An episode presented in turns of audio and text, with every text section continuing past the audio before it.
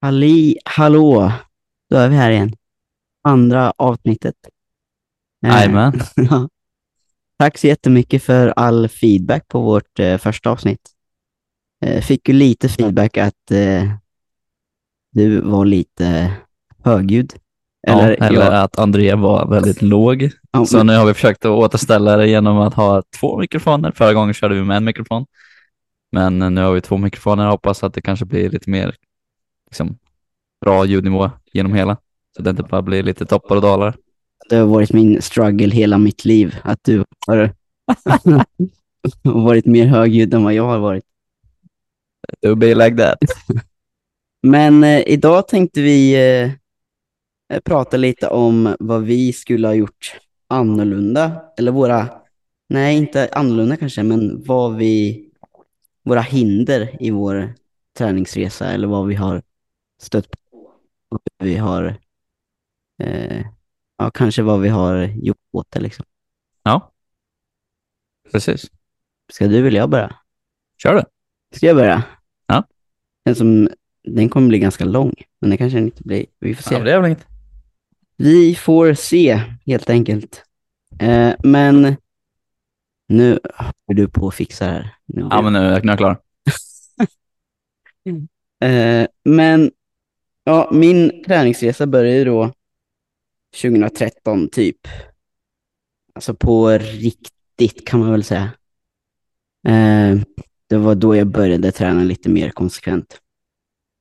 Eh, någorlunda i alla fall. Eh, det var då jag ville ta upp det i alla fall. Eh, men alltså i början så var mitt hinder, det var mer det psykologiska skulle jag säga. Att jag var, ja men att vara väldigt överviktig och gå till ett gym och känna att alla kollar på en oavsett vad man gör. Även om man, om, även om man gör rätt så känner man sig liksom klumpig och alla vill eh, döma en. Det är liksom den känslan man får, eller jag fick. Eh, så det var någonting som jag eh, hade väldigt eh, svårt med i början. Att komma över den här tröskeln att ingen bryr sig egentligen. Och gör du, gör du det här för dig själv så spelar inte det här någon roll ändå. Och det var någonting som jag, Vad menar du med det? ja men jag behövde, när jag gick till gymmet så kände jag så här att, att alla kollade på mig, att jag var klumpig. Och liksom jag var inte den här, jag var inte så atletisk. Jag, liksom jag, jag tyckte det var jobbigt liksom att göra allting i gymmet. Rent fysiskt. Eh, och för att för att få, få det gjort så tänkte jag, eh, eller då behövde jag tänka att gör jag det här för mig själv eller gör jag det här för att för någon annan liksom. Och om jag gör det för mig själv så borde inte det spela någon roll om någon kollar på mig. Eh, Jag tänker också att i början, alltså alla typ som börjar på gym tänker ju ofta så här, ja, vad ska jag göra och blir lite obekväma för de inte riktigt vet vad de ska göra liksom. Och så tänker man ju att man liksom blir kollad på eller sådär. ja.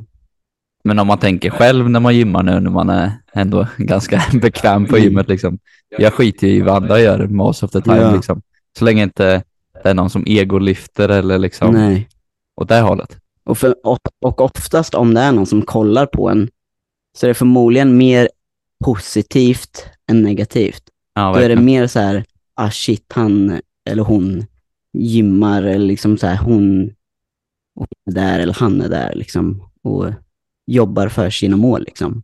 Jag dömer ju liksom aldrig någon som jag ser är ny. Nej, Det är så här, man vet ju att de är nya. Så så här, ja, vad, vad ska man säga liksom? ja men precis. tycka? Vi alla börjar någonstans liksom. Ja. Och det, men det kan vara svårt att, svårt att inse i början att eh, folk inte bryr sig. Jag tror det är en ganska vanlig barriär att ha liksom för folk som börjar att gymma. Alltså många som jag pratar med, mina kompisar och kompisars kompisar, så där, när man bara liksom allmänt snackar gym liksom. Och så säger man så här, men det är så obekvämt, jag vet inte vad jag ska göra och liksom sådana Ja. grejer. Så jag tror det är ganska vanligt att känna så, Ja, så ja, som du kände när du började gymma liksom. ja precis. Ja, men jag tyckte det var jag tyckte det var jobbigt i alla så här, eh, alla sociala eller så här, när man syns liksom. Att gå på en buss tyckte jag var jobbigt. För att alla, ja, för att alla kollar på en när man går på en buss. Mhm. Och det liksom, bara sånt tyckte jag var jättejobbigt, hade världens ångest liksom. Aha. Eh, så att gå till ett gym och göra övningar som eh, man inte alls känner sig bekväm med. Eh, att göra de här atletiska övningarna när man inte är eh, när man inte identifierar sig som en atlet liksom. Ja. Eh, så blir det väldigt jobbigt, eller blev för mig.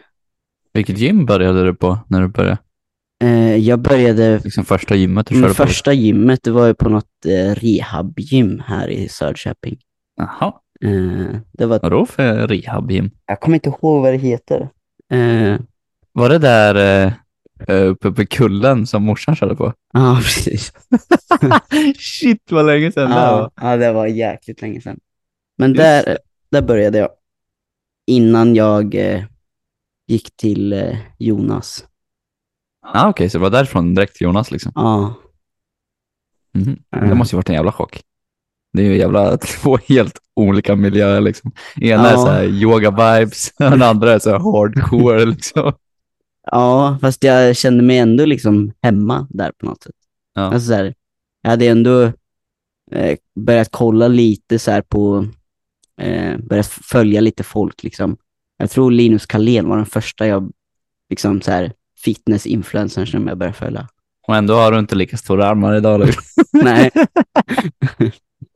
Armar är ju så jävla tråkigt. Överkropp Ja. generellt. Du Alltså. får hoppas att Linus Karlén inte lyssnar. Alltså. Inte med. Kommer jag göra han besviken. ja. Nej, men eh, det var ju typ det absolut första hindret. Sen så hade jag ju hinder med min blodsjukdom. Att jag... Eh, ja, men min blodsjukdom gjorde så att jag behövde få blod varannan vecka. Någonting som jag föddes med. Men nu har jag blivit, ja, jag kan inte säga friskförklarad, men jag lever som en frisk Symptomfri. ja, symptomfri. Eh, så att då, har jag, då levde jag med ett konstant, ganska lågt blodvärde. Och det gjorde det jobbigt att ta mig till gymmet och, ja, men, och få in steg var liksom jobbigt för att det dunkade i huvudet. Eh, för att jag hade lågt blodvärde. Mm. Att eh, gå, till gymmet och göra de här pulshöjande övningarna liksom. Det gjorde det ju inte lättare. Men eh, det, det var också så här en slags drivkraft för mig att göra det där lilla extra också. Att bevisa så här, jag behöver inte vara annorlunda för att göra det här. Liksom. Utan jag kan ändå göra samma sak. Eh, det var någon slags, ja, men en liten drivkraft av att ändå kunna göra saker som andra kan, men med ett litet hinder. Liksom. Ja, just det. Nej, tillbaks, jag, jag fastnade lite på det här med morsans eh, gym där uppe. Okej. Men hur kommer det sig att du följde med morsan upp dit? Jag kommer inte ihåg. Eller var det tvärtom, att morsan fick med dig liksom? Eller började morsan för att du skulle börja? Eller liksom, jag kommer inte ihop? ihåg riktigt hur det började.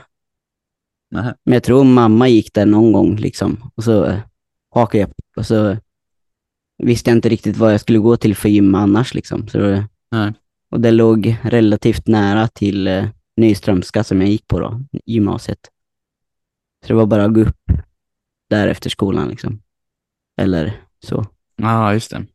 Ehm, så det var väl eh, på det sättet tror jag. Ja. Men du, du tränade väl? Började du träna då? Du tränade inte då?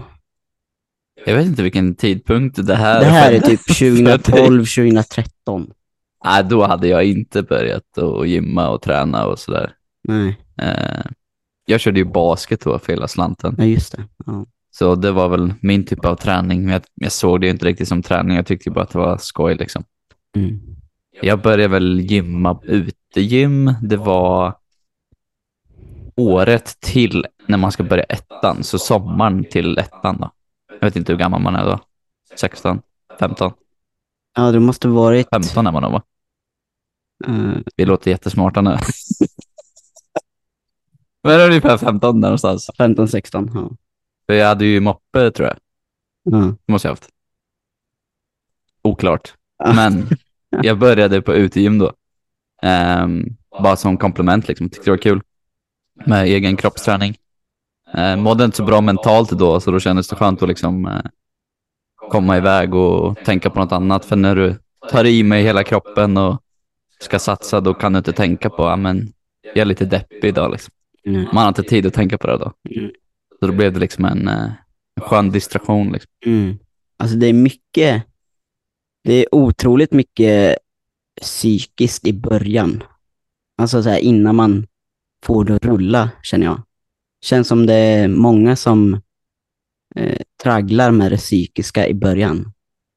Sen när man Alltså, får det är ju bara där i början. Ja, Alltså det är bara att hitta den här eh, rutinen. mm, Eller att ens skapa den till att börja med. Liksom. ja, Det är så mycket lättare att skapa vanan av en negativ trend liksom, än vad det är av en positiv. ja. Ja, och det är ju, kan vara svårt att se det som något positivt i början. Det blir liksom, man ser det som en börda i början. Liksom. Eh, Jag tror många ser det så i alla fall. Ja, det tror jag. Mm. Även om jag inte håller med, men jag tror att de flesta Ja. känner så. Men de flesta börjar ju inte gymma för att uppnå någonting liksom extra. nej. Utan de flesta, som i ditt fall, typ, vill ju bara må lite bättre, se lite bättre ut. Liksom. Ja, Och då är det lite så här, de som tar det här steget tror jag har inte riktigt tagit hela steget än, utan de bara känner lite. Så här, Mm. skulle det här kunna vara något för mig typ? ja. Var det så för dig typ eller? Eller blev du direkt så här, det här är för mig liksom? Nej, nej, verkligen inte. Alltså det var svårt att hitta också vad jag, vad jag fick glädje av eller liksom vad jag ville göra på gymmet. Liksom. Alltså, Så du gjorde du typ lite allting eller? nej, körde alltså det, blev, körde det, blev, ju- kettlebellsen eller? alltså det blev ju att jag började med liksom, eh, styrkelyft, mer eller mindre. Körde du det där uppe också? Nej, inte, inte på första då. Nej, eh, då- jag tänkte då var jag gick det? Då var det ganska mycket kondition i början. Ja. Eh, vilket också eh, inte är så supereffektivt egentligen i början av en, skulle jag säga. Alltså så här, Alltså det beror ju på lite. ja såklart. Alltså tycker man att det är skitskoj så ja, men det gjorde jag det. inte, Liksom. det var ju mer ett straffbeteende liksom. Ja, jo. Och jag, under den tiden när jag började där så, så eh, var det någonting, alltså under en vecka så kunde jag äta fyra, fem pizzor liksom. Och jag kunde käka godis tre, fyra gånger i veckan. Och gömma allt det här. Så att jag liksom visade inte för någon att Det hade jag, jag fan ingen aning om. nej för jag hållit det liksom Fyra, fem pizzor är wild alltså. Ja, så att det, det var ingenting, det är ingenting jag är stolt över så. Det var ett beteende som jag inte mådde bra av. Då blev det så här att, Var det här under tiden av som du började på det där gymmet eller Ja. var det innan? Liksom? alltså det var väl lite innan också. Ja. Eh, men det var då, ja, jag mådde inte alls bra då liksom. Eh, fysiskt eller psykiskt. Mm. Så jag överåt ganska mycket. Både, ja, Det kanske blev lite din distraktion eller liksom. Ja men precis, det blev ju att jag flydde någonting från, från min sjukdom lite typ. Ja. Och allt det svåra. Det blev min trygghet. Alltså jag kan ju också tänka mig att när man hade, för då, det är ju en väldigt allvarlig sjukdom, ska folket veta, att det var ju väldigt tufft för hela familjen, men framförallt för dig liksom Mm. i början. Så jag kan inte känna att det är inte konstigt att du inte brydde dig om att liksom, ja, men jag kanske går upp i vikt. För så här, vad spelar det för roll när man ligger på sjukan liksom, Mm. en gång i veckan? Så Ja. det blir så, de två grejerna liksom väger så olika tungt. Liksom. Ja, precis.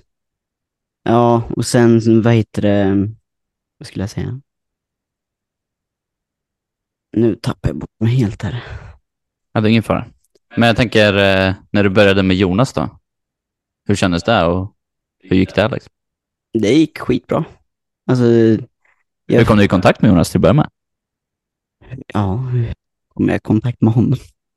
Jag kom i, men det var ju, det var väl via Jonathan och Jonathan, eh, Jonas bror då. Ja. Liksom, jag vet inte, slängde väl något ord om att Jonas tränar eller något. Ah. Okej, så det var så alltså? Ja. Eh, Så du började liksom att köra styrkelyft då egentligen direkt eller var det mer traditionell styrketräning eller hur började det med Jonas? eh, det var, det var styrkelyft var det. Du bara direkt bara hoppa in i böjbänkmark. Ja. ja. Och lite variationer liksom. Hur kändes det då? Hur det kändes? Ja, från att liksom köra lite löpband och boseboll liksom. Eh, ja, kommer inte ihåg hur det kändes. Hade det liksom samma känsla av så här, att du inte riktigt visste vad du gjorde och sådär som du hade Absolut. på andra gymmet? Men det var ju ganska litet gym och det var ju, man var ju där själv. Ja, alltså man fick ju en tagg liksom så gick man dit. Så där kände du det var skönt typ eller? Ja, ja, men det var skönt i början faktiskt att komma till något, till ett gym och känna att man är ensam och att man kan bygga upp sin skill, eller vad man ska säga, Ja, sin man erfarenhet. nob Alltså, inför andra liksom. ja. Eh, ja, men så att mm, liksom bygga upp den där erfarenheten om att, och eh, självförtroendet att man kan. Liksom. Ja. Eh, men eh, under den... Eh, alltså, jag åt ju inte superbra då heller. Nej, Eh, det gör ju inte de flesta som börjar träna. Liksom. nej, Det är inte det som är fokuset när man börjar Då- träna. Man vill ju bara skapa rutiner. Liksom. ja, och jag gick ju all in när jag liksom väl började träna lite mer eh, med Jonas. Så här, då var det ju kvarg, så här, naturell kvarg. Fy med fan vad äckligt. ja, det var inte, det var inte så nice. Men man lärde sig av det också. Ja, Att så är det. eh, man mår piss av att äta kvarg innan träning. Bara kvarg. inte att rekommendera. Ingen energi alls. Nej. Eh, skulle man köra tunga böj liksom. Det var, Vilket lyft tyckte du var roligast när du började? Var det fortfarande böj typ? Eller var det mark? Eller? eh, Inte fan var det bänk i alla fall. Ja, det- jag tror det var böj faktiskt. Ja. Eh, Bänk var ju, jag var ju helt, alltså jag var ju ganska, Stark var du i början. Klarade du stången? eh, ja jag tror jag klarade typ 25. Per Ja. reps, alltså så här, typ fem reps liksom. Den är sjuk ändå. Tror du många börjar där? Nej. Jo, det tror jag. T- Tror du många börjar? Ja, Ja, kanske. Jag vet inte. alltså typ Jag när är- jag, jag ser ingen- alltså, unga människor som börjar gymma, alltså max 40 kanske. Ja. Väldigt få som tar 40 direkt. Ja. Men jag vet ju bara typ eh, Kalle som jag tränar med. Kalle Svensson, shoutout. Men när han började, han körde ju också typ samma som dig. När vi Ja. började köra. Liksom. Sen gick det ju ganska snabbt direkt, men Ja, okej. till en början så börjar man ganska lågt, tror jag. Ja. Nej, alltså jag, jag har ingen riktigt eh, referenspunkt så. Hur mycket böjer du, du i böjen och så då? Kommer du ihåg det? Vad jag börjar med för siffror? Ja. Eller var det bara någonting som du kände så här, fan det här är jag duktig på? Eller kände du bara att allt var liksom samma sak? Typ? Jag tyckte bara det var roligt att eh, ta i lite och typ så här, gå in i sin bubbla. Och eh, jag hade ju ganska mycket aggression typ i kroppen på grund av min blodsjukdom. Så, jag, så att jag ville... Så då fick jag någon slags... Eh, men så här, men jag fick ta ut de känslorna lite. Då. Mm. Så det var väl... eh, det här som jag tyckte var kul. Liksom, man går in i sin bubbla och eh, känna att det var tungt men ändå klara det liksom. Men, eh, jag har ingen referens, eller jag har ingen koll på vad jag tog i början där. Nej. Mm, Jag skulle gissa att i början var det nog runt 50-60. Mm, Det är ändå bra ju. ja, Det är ganska jättebra. Som första liksom. ja. Eh, Men det är väl någonting, alltså böj och mark, det har alltid kommit naturligt för mig. Mm. Ja, för de som inte vet hur Andreas ser ut, men han har extremt bra liksom kropps... Vad säger man? Kort och Kroppsvinklar. stabbig. Han har jättelånga ben och kortare överkropp med långa armar, så det Ja. blir fördelaktigt med just marklyft och även böj då. Ja. Inte bänk. Nej, inte bänk. Jag Men jag kan inte skylla på mina lemmar på bänken. men jag, jag är väl lite tvärtom. Jag har väl istället lite större överkropp och lättare för överkropp generellt. Liksom. Så, Du, du är mer symmetrisk än vad jag är. ja, men du har ju lite en överkropp, så är det. Ja. Men eh, då får man ju en stor mark på köpet, så det är väl inte så illa. Åh, men jag kan inte, ja, man kan inte säga allt, allting är på grund av hur jag är byggd. Nej, så är det ju inte. Nej, Men det, nej. det finns ju någonting i att när man börjar med någonting nytt och man känner att man är lite bättre, eller alltså lite över average, Ja, då får man ju ändå ett större driv till att göra det igen. ja För att det. man tycker att det är kul. Ja, När man kör någonting som man märker, fan jag suger på det här, ja. då är det inte lika kul att gå och göra det igen. Så det Nej. finns ju någonting att säga i att liksom, motivation skapas i det man är duktig på. Mm. Alltså det finns ju en anledning till att liksom, till exempel jag tycker om bänk. Det var ju för att det gick bra för mig i början. Mm. Så det, det man kopplar ändå liksom. Men för mig, när jag alltså, jag behöver inte tycka att någonting, alltså jag behöver inte tycka att jag är bra på någonting för att tycka att det är kul. Jag kan tycka att det är kul, men jag kan fortfarande ha skit på det. Och Där är vi extremt olika. ja, men vi är olika på alla möjliga sätt. men, eh, så att jag kan ju tycka att det är kul att gå och göra någonting, Vad är det som är även kul? att jag... Eh, vad sa du? Vad är det som är kul när det inte går bra? Ja, men jag tycker att övningen eller eh, progressionen i sig, är, eller resan i sig är kul. Ja, okej. Så att jag kan, eh, jag kan se potentialen i det. Så jag behöver inte känna att jag är bra där och då. Eh, för att Just i den månen så har jag nog väldigt eh, kort referensram liksom.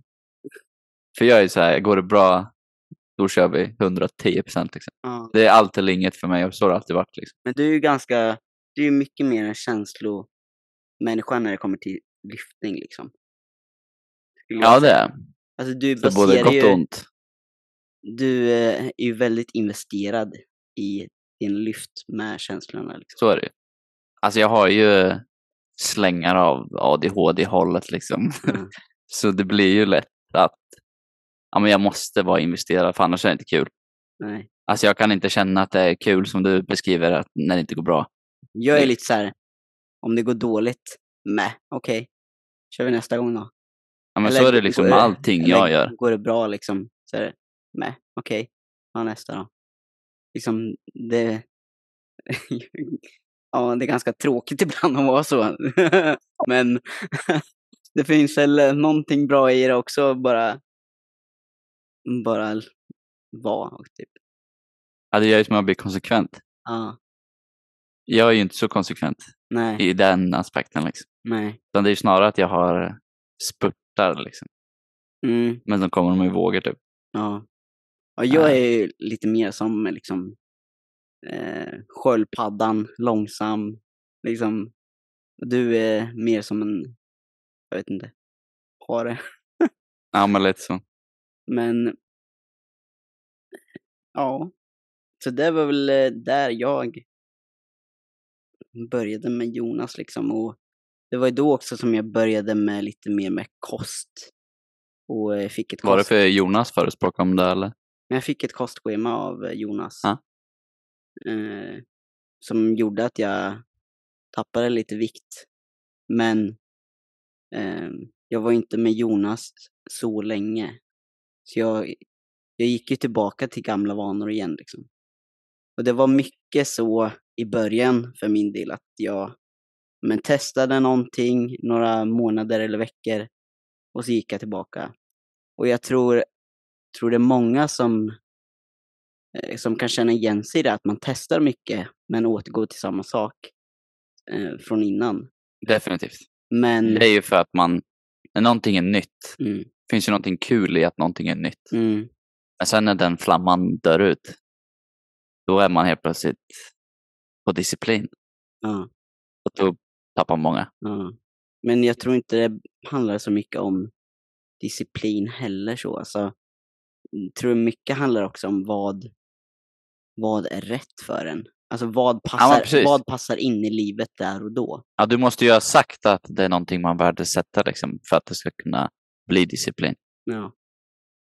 Eh, så att det, det var ju då som det började lite med eh, kost och kostschema då. Och sen så ja, gick jag ju tillbaka till gamla vanor som sagt. Eh, och i, i början där så var det ju som sagt mycket testa, mycket, mycket misslyckanden om man vill säga så. Eh, i form av att ja, men, återgå till samma, eh, samma beteende som jag inte mådde bra av. Och jag... Eh, Var det tyngre den gången? Än liksom första gången när man inser så här, ja men det här kanske inte är så bra. mm, Och sen försöker man göra bättre men sen faller man tillbaka. Var den gången tyngre än första gången? absolut. Alltså det var alltid så här, Och då blir det nästan så här dubbelt misslyckande. Typ. ja, och det var alltid så här tills jag lyckades. Alltså, eller som jag tycker att jag lyckades efter 2015 där. Det var då som jag liksom kände att jag lyckades. Eh, och gå ner vikt och nu, nu kan jag men nu kan jag förändra beteendena om jag vill. Jag behöver inte göra det, men liksom jag kan göra det utan problem. Alltså om jag vill ha godis så kan jag äta det, men jag behöver inte tänka på att jag måste gå upp eller gå ner i vikt liksom. Men jag kan leva på en sund, eh, sund, sund baseline liksom. Får du fortfarande de tankarna liksom, eller hint om de tankarna som du hade när du var yngre då? Liksom? För många kan ju prata om så här att man har sitt yngre själv i sig liksom, som Mm. ändå liksom påminner en om vem man varit. Mm. Absolut. Alltså jag är fortfarande så här, jag är fortfarande en rädsla av, även att jag tränar väldigt mycket nu, så är jag fortfarande en rädsla av att gå upp i, i vikt liksom. Eller att bli, bli stor igen, eller bli större i form av fett liksom. Eh, även att det inte kommer ske, så är jag ändå rädd för det. Liksom. Hur visar det sig? Hur visar rädslan sig? Liksom? ja, men att jag inte, jag inte vågar äta ordentligt för att bygga muskler exempelvis. Ja, just det. Att jag håller mig runt samma vikt året om. Mm. Så det är väl det. Tror du att det hämmar dig i din liksom, utveckling eller ska säga, mot dina mål? Ehm. Ja, möjligtvis. Men det är också så här, jag mår inte dåligt av det. Nej. Och det är, för mig är det prio att jag inte mår dåligt i ett beteende som jag har. Om jag mår dåligt i ett beteende som jag har, då, då är det ju någonting som jag verkligen vill, vill ändra på och kommer ändra på det. Liksom. Så du menar att det krävs att du ska må dåligt över din dåliga bänk för att det ska bli bra? Ja, ja men typ så. Vad tror du det hade krävts för att du ska ta 100 bänk? Men lite... Bara vara lite mer investerad i det liksom. Tror du att det är det enda som krävs liksom? Bara våga satsa liksom. Ja, vara inte djup efter två månader. Och Vad tror du de flesta som börjar gymma behöver för att ta 100 bänk? bara bänka. Tror du det? Tror du de flesta uppnår 100 bänk genom att bara, bara bänka, som du säger? Mer eller mindre. Ja, Jag, jag tror bänka och äta bra mat liksom. Jag tror du kommer, jag tror du kommer bra långt på att eh, bänka eh, och äta bra mat utan att vara jättekomplicerad med att du ska göra två reps idag, att du ska göra åtta reps nästa Ja, set och ja. liksom hela den här biten. Jag tror om du kan göra fem reps och sen göra en, viktprogression eller en viktökning för eh, varje vecka eller varannan vecka och äta så att du och är liksom och är återhämtad till passen någorlunda så kommer du göra en ökning till 100. Det är jag övertygad om.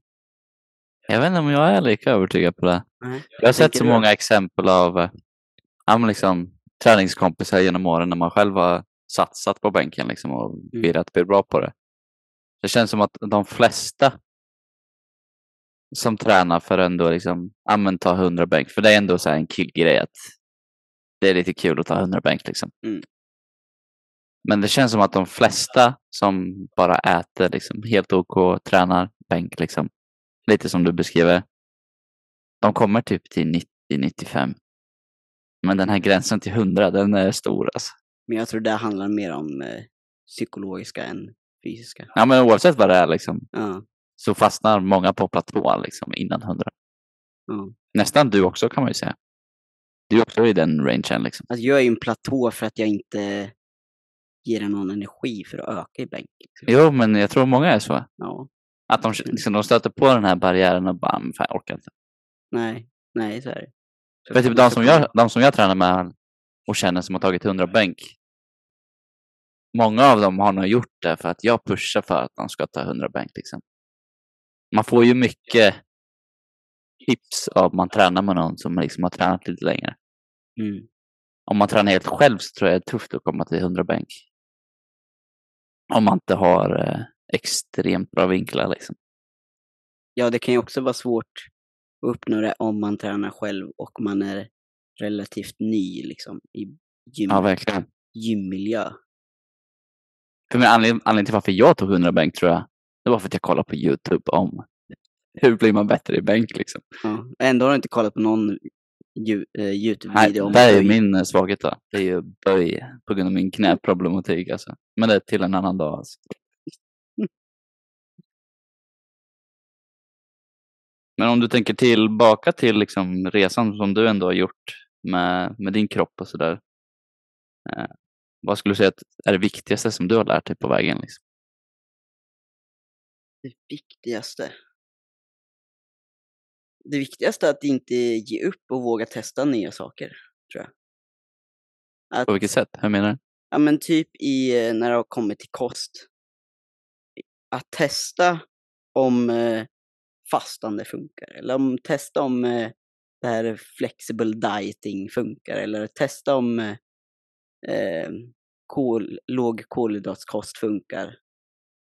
Eller vad, vad är som, eh, vad funkar i livet där och då? Och det är här som en coach kommer in. Och eh, det blir ju mycket lättare att ha en coach som, ehm, som kan guida eh, och vägleda dig i de här, eh, alla de här verktygen som finns att ta av. Så jag skulle säga att, ja, men att inte ge upp också, att våga testa nytt. Även om det inte går så bra som man, som man tänker sig. Och det här med förväntningar, det är eh, någonting som jag har lärt mig att förväntningar är oftast dåligt, tycker jag. Du kan ha låga förväntningar, men du kan ha en hög standard, liksom. Du kan både i, när jag har tränat golf och i gymvärlden så, så har förväntningar bara förstört. Om jag kan hålla en rutin som är som är, håller till den nivån som jag vill prestera på så behöver jag inte ha förväntningar. För då är jag redan på den nivån. Jag är lite kluven där, Okej. hur jag känner för förväntningar. Ja. Och det är helt okej. För jag menar, alltså jag förstår ju vad du menar med att ja, men har man förväntningar och sen så blir det inte så. Mm. Då blir det ju en eh, onödigtvis jobbigare stund än vad det hade varit om du inte hade några förväntningar. Liksom. Men, men jag tror också att förväntningar liksom är hopp om att kunna vara bättre. Liksom. Men också så här, förväntningar, du kan ha förväntningar på en sak. Du kan, du kanske inte uppnår den saken, utan du kanske uppnår något annat. Men du har haft din förväntning på, på det här som du inte uppnå, uppnådde. Men du har ändå kommit och uppnått någonting som du inte hade din syn på. Och den där var någonting som har varit eh, alltså, lite av ett skiftbyte för mig. Eller perspektivbyte att du behöver inte alltid hålla koll på en sak utan se vad du uppnår. Eh, vad, vad annat som du uppnår istället för bara det du har ditt öga på. Mm, för du, jag mådde mycket bättre i det, att inse att ja, men jag har faktiskt uppnått andra saker, även om jag inte kanske kom till det här målet. Hur menar du? Nej, men om jag hade eh, ett mål om att eh, gå ner i vikt, men jag kanske inte gick ner i vikt, men jag fick en bättre relation till mat och mitt tankesätt kring mat som gjorde det bättre långsiktigt. Men kortsiktigt så, var, så uppnådde jag inte mitt mål om att gå ner de här kilorna eller vad det nu kan vara. Det tror jag är väldigt vanligt. Alltså att människor som försöker gå ner i vikt, man blir ju väldigt lätt fixerad på siffrorna. Mm. Speciellt om man väger sig och sen får man någon kommentar och liksom hela den biten. Mm. Men egentligen så är det ju bara förhållandet med maten man måste bli bättre på. Liksom. Ja.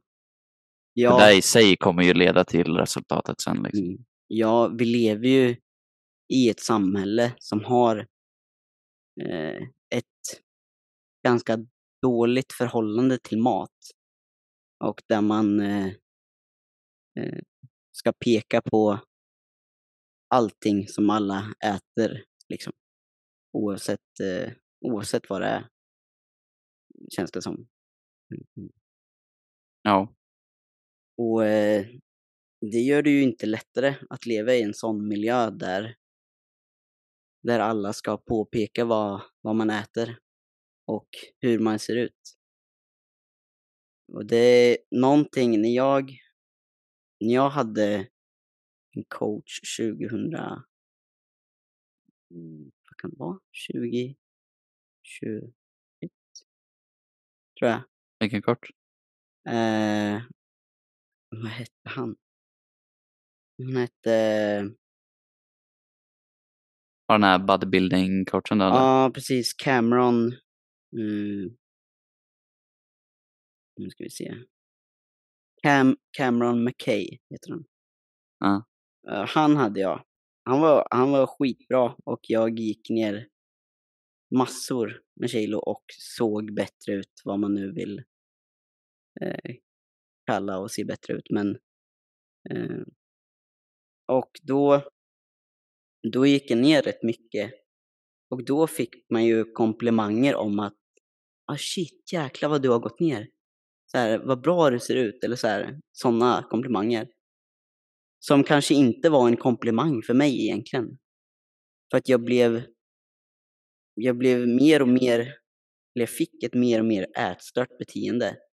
Och under de jag jobbade med honom i sex månader.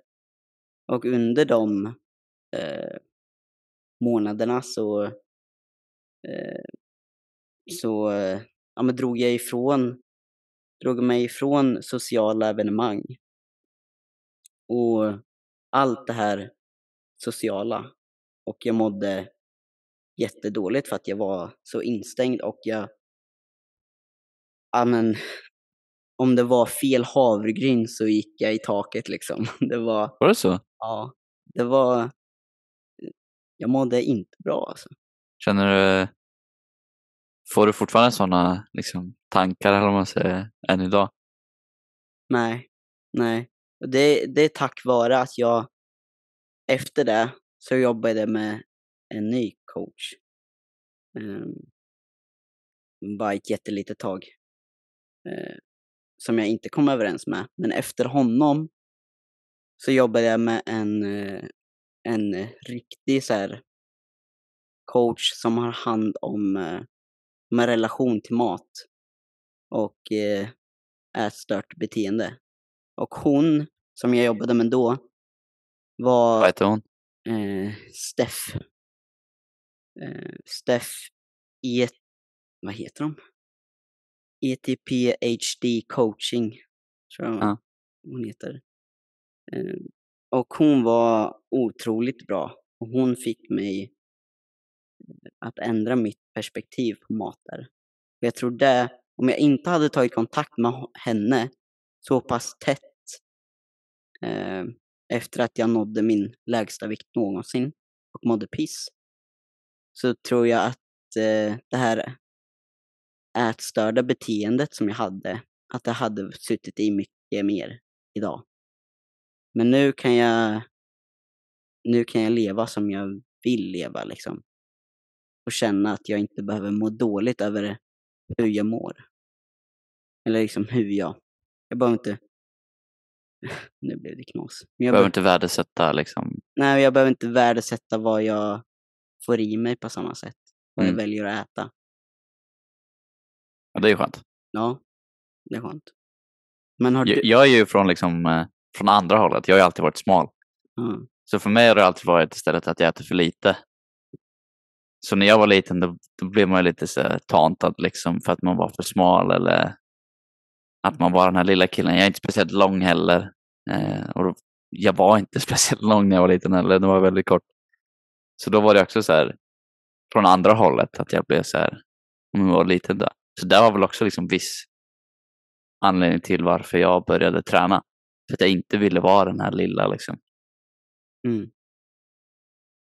Men har du haft någon gång så här att du har haft en negativ, vad ska man säga, inte kanske en negativ är fel ord, men någonting som har triggat dig på fel sätt när det kommer till kroppsbild liksom? Någonting som har gjort att ditt beteende har eh, gått lite överstyr på något sätt?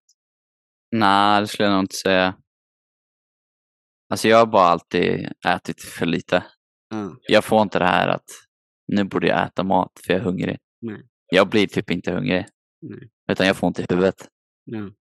Så jag, jag känner inte, jag har ju lärt att känna mig själv nu idag. Att säga, ah, men nu börjar jag bli hungrig. Men när jag var mindre så fattade jag inte det. Jag fattade inte att jag var hungrig liksom. Nej. Vilket gjorde att jag var väldigt smal. Så när jag började och styrketräna och kan jag verkligen då liksom 60, strax över 60 liksom. Mm. Och bara av att jag började styrketräna då så la jag på mig säkert 10 kilo liksom på Ja. bara några månader. Mm. Så jag tror att liksom automatiskt blir att man, eller för mig i alla fall, och jag tänker för folk som sitter i samma sits, liksom att bara av att fortsätta göra saker som man vet är bra för en så kommer det här med kosten sen. Liksom. Det är Mm. inget att stressa över. Liksom. Jag vet ju än idag att jag måste, till exempel idag så trackar jag min mat. Mm. Men det det är inte för att jag har någon liksom negativ eller koppling till mat eller så. Det är bara för att jag vet att då mår jag bättre. Liksom. Mm. Ja, och det här med att tracka mat, det är ju en... Eh, eh, det är ju en liten... Eh, vattendelare. Viss, Ja. Vissa anspråkar ju jättemycket för det. Och eh, Jag skulle nog inte förespråka för att tracka sin mat faktiskt. Om man inte sitter i samma situation som jag är. nej, För alltså man kommer så himla långt på att bara, bara göra smartare val. Alltså Ja. inget mer än så liksom. Men också någonstans om du... Jag tror att du måste skapa någon slags referenspunkt för saker och ting. Men du måste inte tracka, men du måste hålla koll på saker i förhållande till varandra om du vill göra en viktförändring. Jo, så är det. Alltså Men då kan ju... det ju vara lättare att följa typ riktlinjer. Alltså typ såhär, Men kolla, Två. kolla innehållsförteckningar, bara börja där. Vad är det för skillnad på den här grädden och den här grädden? Exempelvis. Eller Ja. vad, vad skiljer det här, eh, den här pastan mot den här pastan? I fiber, kaloriintag. men det känns som det också är så överkurs typ, för många. jag, jag, jag tror det är väldigt nyttigt att börja där. Att eh, bara, du behöver inte kolla på allting, men att börja kolla lite, vara lite nyfiken bara. Nyfiken kommer du otroligt långt med. Men jag tänker att det kan också bli så här, det här med att sin siffra på vågen är jobbig. Det blir bara mer siffror som är jobbiga liksom. Ja, fast det handlar ju om, om man värdesätt, hur man värdesätter det. Om du är neutral i, i eh, ja men det här är ju bara en siffra liksom. Det är ju lättare sagt än gjort. Ja, absolut. Men det kan ju vara någonting att sträva efter. Att försöka vara neutral i, eh, i sitt tänk. Sen behöver inte... Eh, alltså, det är klart det är mycket lättare sagt än gjort. Jag tror bara att många, många behöver bara ha rutin. Ja, absolut. För alltså, Det- det är ju den här oregelbundenheten som gör det jättesvårt. Ja. Så, eh, hur vet du om du går plus, minus, framåt, bakåt, snett, Mm, om du inte ens vet vart du är liksom. mm, Och så är det, så är det ju med träning också, inte bara kost. Många är så här, ja, men ska jag köra mer volym, ska jag köra mer set, ska jag äta mer, ska jag äta mindre? Så här, du har ju ingen aning om du inte vet vart du är. Liksom. mm. Så du vet ju inte om du kör för låg volym om du inte vet hur mycket volym du kör till att börja med. Nej. Så det är egentligen någonting som jag tror generellt. Liksom. Man måste veta vart man är för att veta vart Ja, man men ska. skapa referenspunkter. Mm. Sen kan de se olika ut, men att ha någonting att förhålla sig till liksom. Och eh, veta vart man vill gå näst liksom. Eller vilka, vilket val man vill göra näst. Det handlar ju också om, vill man göra aktiva val eller vill, vill man bara följa efter vågen liksom? Alltså du måste ju någonstans göra aktiva val för att Ja. ha dig dit du vill.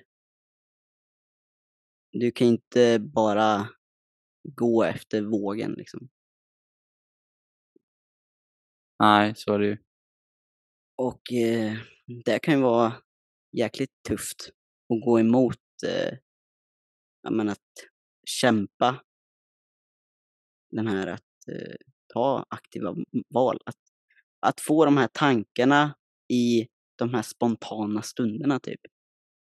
Att, ja men jag vill ta en glass nu. Men vi, vill jag ha det, kör, kör, kör, ät din glass liksom. Men behöver jag min glass för att uppnå ett mål? Kanske inte. Men det kanske hjälper dig också i att få ner din stress. Så det är också så här, allting handlar ju om aktiva val i slutändan tror jag. Om du vill, om du vill upp. Det är också svårare om man behöver göra val oftare. Mm. Till exempel, det är jättesvårt att göra valet 17 gånger när du är hemma att inte äta för mycket chips om du har chips. Istället för att bara göra ett beslut i affären. Att Mm. nej, men jag köper inte chips. Ja.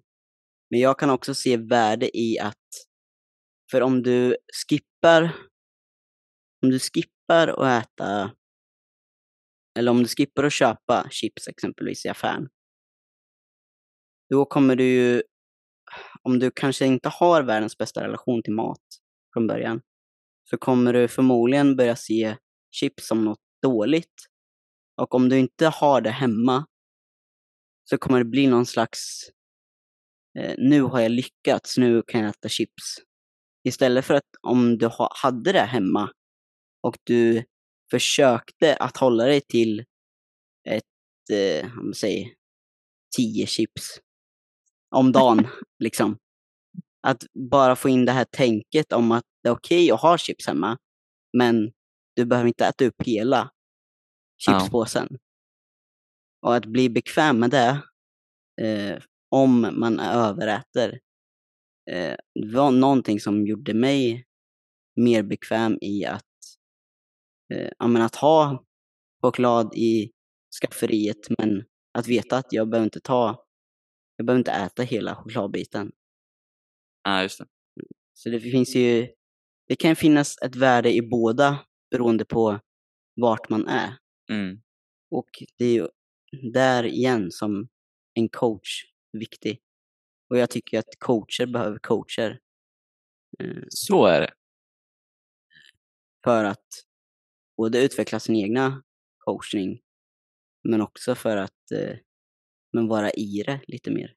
Det är så himla många coacher, speciellt det här med hela vågen av personlig träning. Det är så många personliga tränare som inte har en susning om. Ja, men så, det var ju någonting som vi snackade om häromdagen, att träningsvärlden är ju lite av en gissningslek. Vissa gissar mer än andra och vissa har en mer utbildad gissning än andra. Ja. Eh, och det är ju ändå så här, vi har med människor att göra. Och människan är ju inte eh, förutsägbar alltid. Liksom. Nej, det är väldigt olika från individ till individ och en jävla massa faktorer som spelar roll. Liksom. Ja. Vad tror du att du skulle gett för tips till dig själv om du kunde prata med dig själv när du började nu? Liksom? Om jag började från absolut första början? Ja, om du nu mm. skulle träffa dig då, mm. vad skulle du sagt till dig själv? Liksom? Eh, Ehm, vad hade jag sagt? Men det här är så klyschigt, men var inte så hård mot dig själv. Eh, det är så otroligt många gånger som jag har straffat mig själv för att jag ätit någonting eller att jag... Eh, ja, men att jag... Bara ja, men ett straffbeteende av de valen jag gör. Men de kanske behövdes där och då. För att på något sätt eh, bekräfta mig på något sätt.